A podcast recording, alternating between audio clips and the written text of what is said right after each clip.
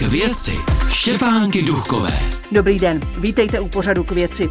Naším dnešním hostem je ředitel Centra sociálních služeb Praha Martin Šimáček. Dobrý den. Dobrý den a děkuji za pozvání. K věci Nábytková banka oslavila první narozeniny. Kolika domácnostem, kde není dost peněz na vybavení, za ten rok pomohla? Pomohla 441 domácnosti v Česku nebo respektive v Praze. Eh, je to veliký číslo, protože my jsme na začátku před rokem předpokládali, že těch, kterým pomůžeme, budou asi dvě stovky, takže máme velikou radost a pomáháme samoživitelům, samoživitelkám, seniorům, lidem v bytové tísni. Máme velikou radost, že nábytková banka po roce je zavedená věc, to znamená zavedená služba. Lidé mohou darovat nábytek. Loni jsme měli přes eh, více než pět tisíc eh, kusů nábytku, které nám darovalo více než tisíc lidí. A díky tomu, že vlastně nepoužitý nábytek eh, získává, řekněme, druhý život pro ty potřebné, tak ta služba funguje perfektně. A jak to vypadá? Znamená to, že teda někdo, kdo nemá ty peníze na vybavení, tak tam přijde a může si vybrat, co chce, nemusí se nijak prokazovat, nemusí vůbec nic platit. Takhle lehké to je? Úplně tak snadné to není.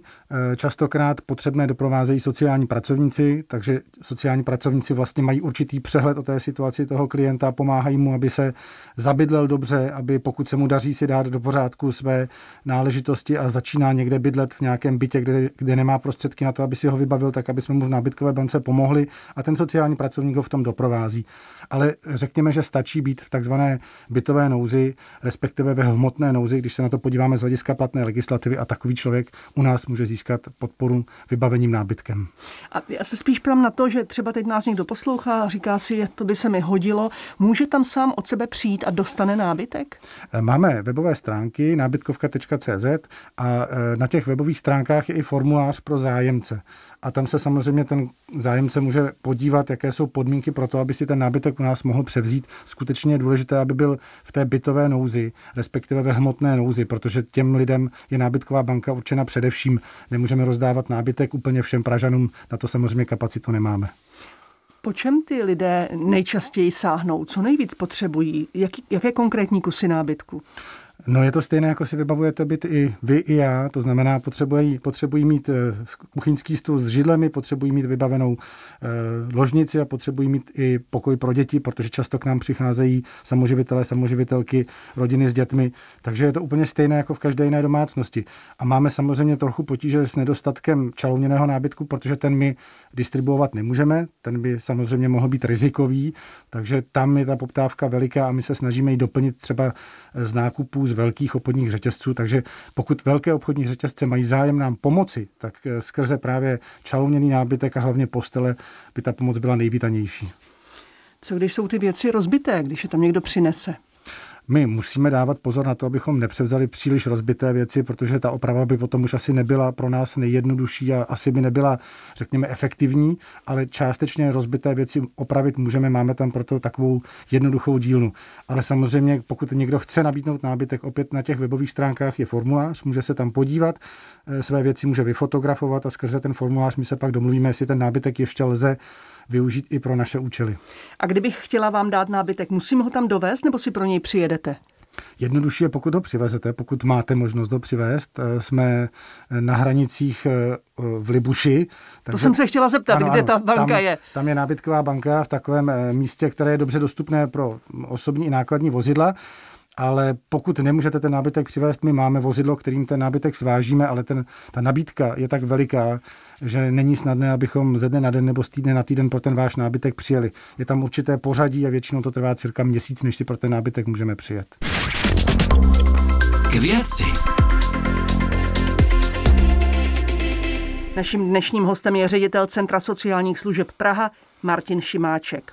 Praha zřídila městskou nájemní agenturu, kdy soukromé byty pronajímá lidem, kteří nemají kde bydlet. Kolik už jste v těchto soukromých bytech umístili klientů? Eh, máme také velikou radost, protože městská nájemní agentura startovala na ostrov květnu loňského roku. To znamená, jsme cirka v půl roku po začátku fungování městské nájemní agentury. Máme zabydleno 12 domácností a celkem 16 převzatých bytů. To znamená, z těch bytů, které nám nabídli v první a teď na začátku druhé vlny majitelé bytů v Praze, už jsme jich 16 připravili k bydlení a z toho tedy 12 je zabydleno. A radost mám i proto, že tady jsou také hlavně rodiny s dětmi, samoživitelé, samoživitelky, vlastně lidé, kteří jsou v bytové nouzi, kteří by si žádným jiným způsobem zřejmě ten byt nemohli obstarat.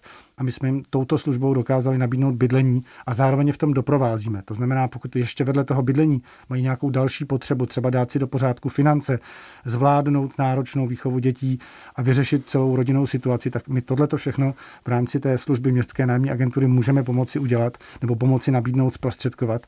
A e, mám velkou radost, protože se ukazuje, že to je přesně to, co v tom segmentu sociální podpory ve městě chybí. Město nabízí sociální byty, ale nemůže jich nabídnout tolik, kolik je zapotřebí. A zároveň sociální služby, jako jsou asilové domy, nejsou úplně nejlepší službou pro ty, kteří mohou a dokáží bydlet sami a nepotřebují být v nějakém asilovém domě. Mohou bydlet ve svém. A skrze městskou nájemní agenturu se nám právě tohle to daří.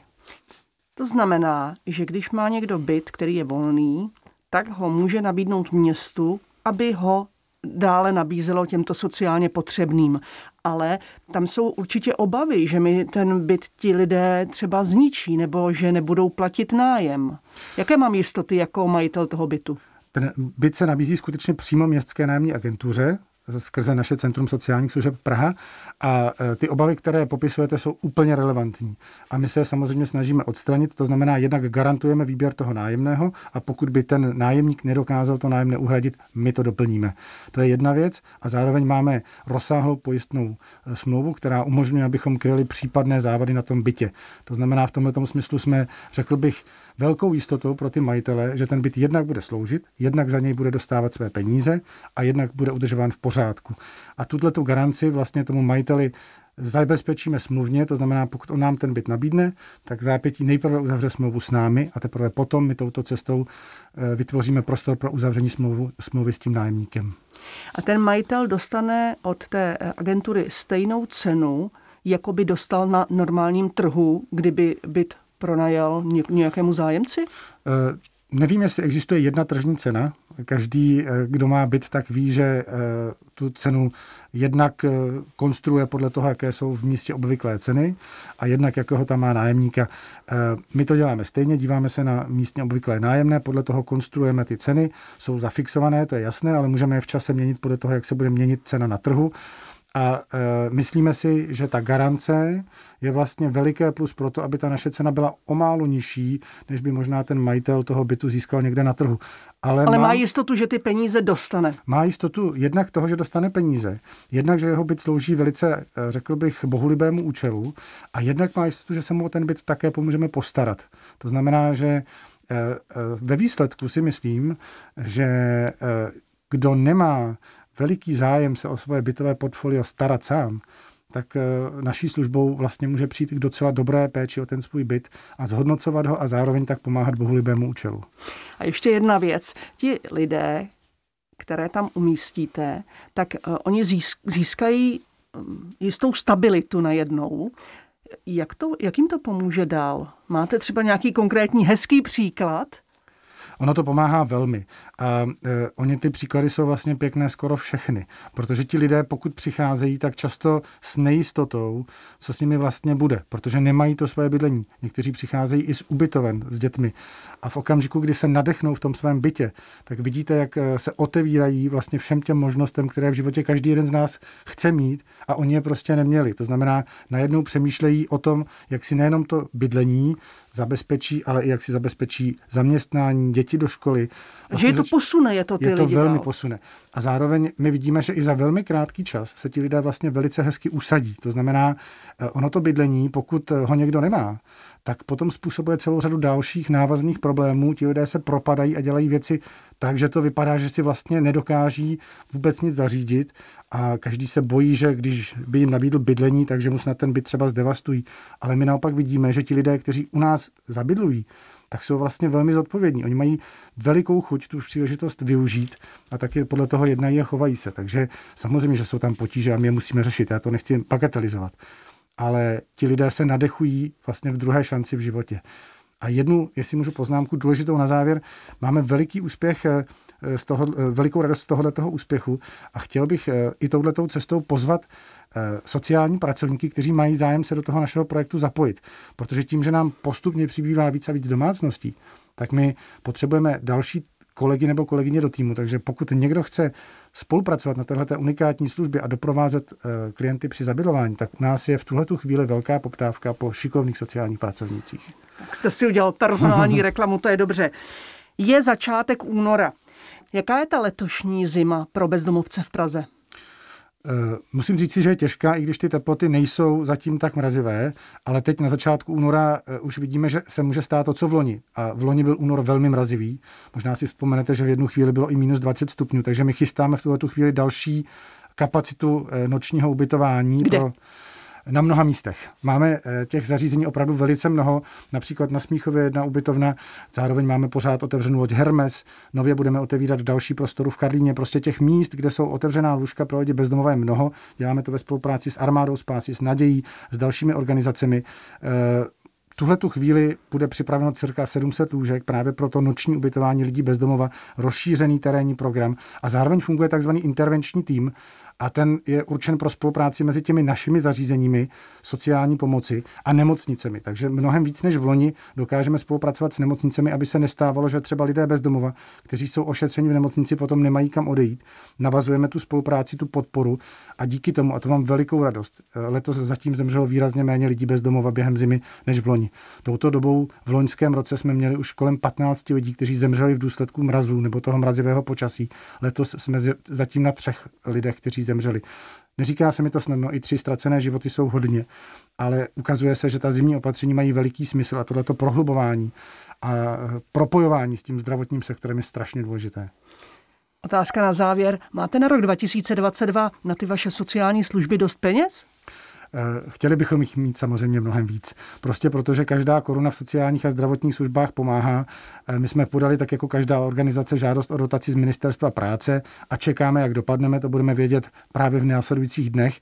A zároveň jsme rádi, že magistrát velmi pomáhá, eh, přidává prostředky navíc právě na ta opatření, která souvisí se zimou a s covidem. Protože my v současné chvíli provozujeme také zařízení, která jsou určená pro lidi, kteří dostali covid, ale nemají se kde vystonat. Je to unikátní služba a na tu potřebujeme docela dost peněz navíc, takže i na to ty peníze dostáváme a za to jsem samozřejmě moc rád. Děkuji, že jste přišel do pořadu k věci. Naschledanou. Děkuji za pozvání. Naschledanou. To je pro dnešek vše. Těším se za týden zase naslyšenou. K věci.